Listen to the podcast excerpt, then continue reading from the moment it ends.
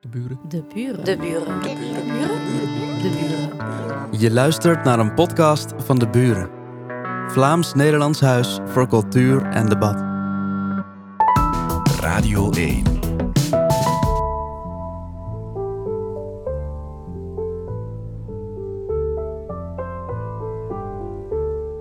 We hebben het afgelopen jaar veel ruzie gemaakt over de verandering van ons klimaat. Elektrisch rijden is de toekomst, maar mijnbouw maakt onze natuur kapot. Wat duurzaam is volgens de ene, is greenwashing volgens de andere. Wat goed is voor de planeet, is dat niet altijd voor onze portemonnee. Activisten worden opstandiger, politici steeds minder ambitieus. De bezorgdheid rond ons voortbestaan stijgt, maar onze uitstoot evenzeer.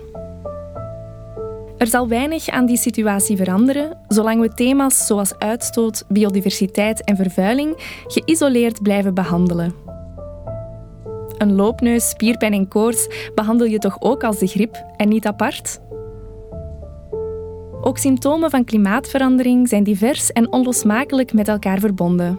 Door ze geïsoleerd aan te pakken en hun onderlinge samenhang te negeren, schieten we aan lange termijn oplossingen voorbij.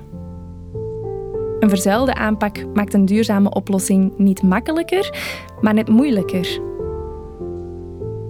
Diep van binnen weten we allemaal dat het helemaal nergens op slaat om onze vliegschaamte af te kopen met een bos of twee per jaar. Dat seizoensgroenten waarschijnlijk duurzamer zijn dan avocado's in december, dat een extra warme trui minder energie verbruikt dan 2 graden op de thermostaat. Werkelijk duurzame oplossingen zijn dus niet complex en tegenstrijdig, maar net verrassend eenvoudig. Ze baseren zich niet op moeilijke berekeningen, maar vooral op logisch verstand. Minder op technologische innovaties en meer op menselijk gedrag. Alle ingrediënten voor een duurzame toekomst liggen binnen handbereik. We moeten ze alleen durven grijpen. De buren. De buren. De buren. De buren. De buren. Je luisterde naar een podcast van De Buren. Vlaams-Nederlands Huis voor Cultuur en Debat. Benieuwd naar meer? Luister ook naar onze andere verhalen en registraties.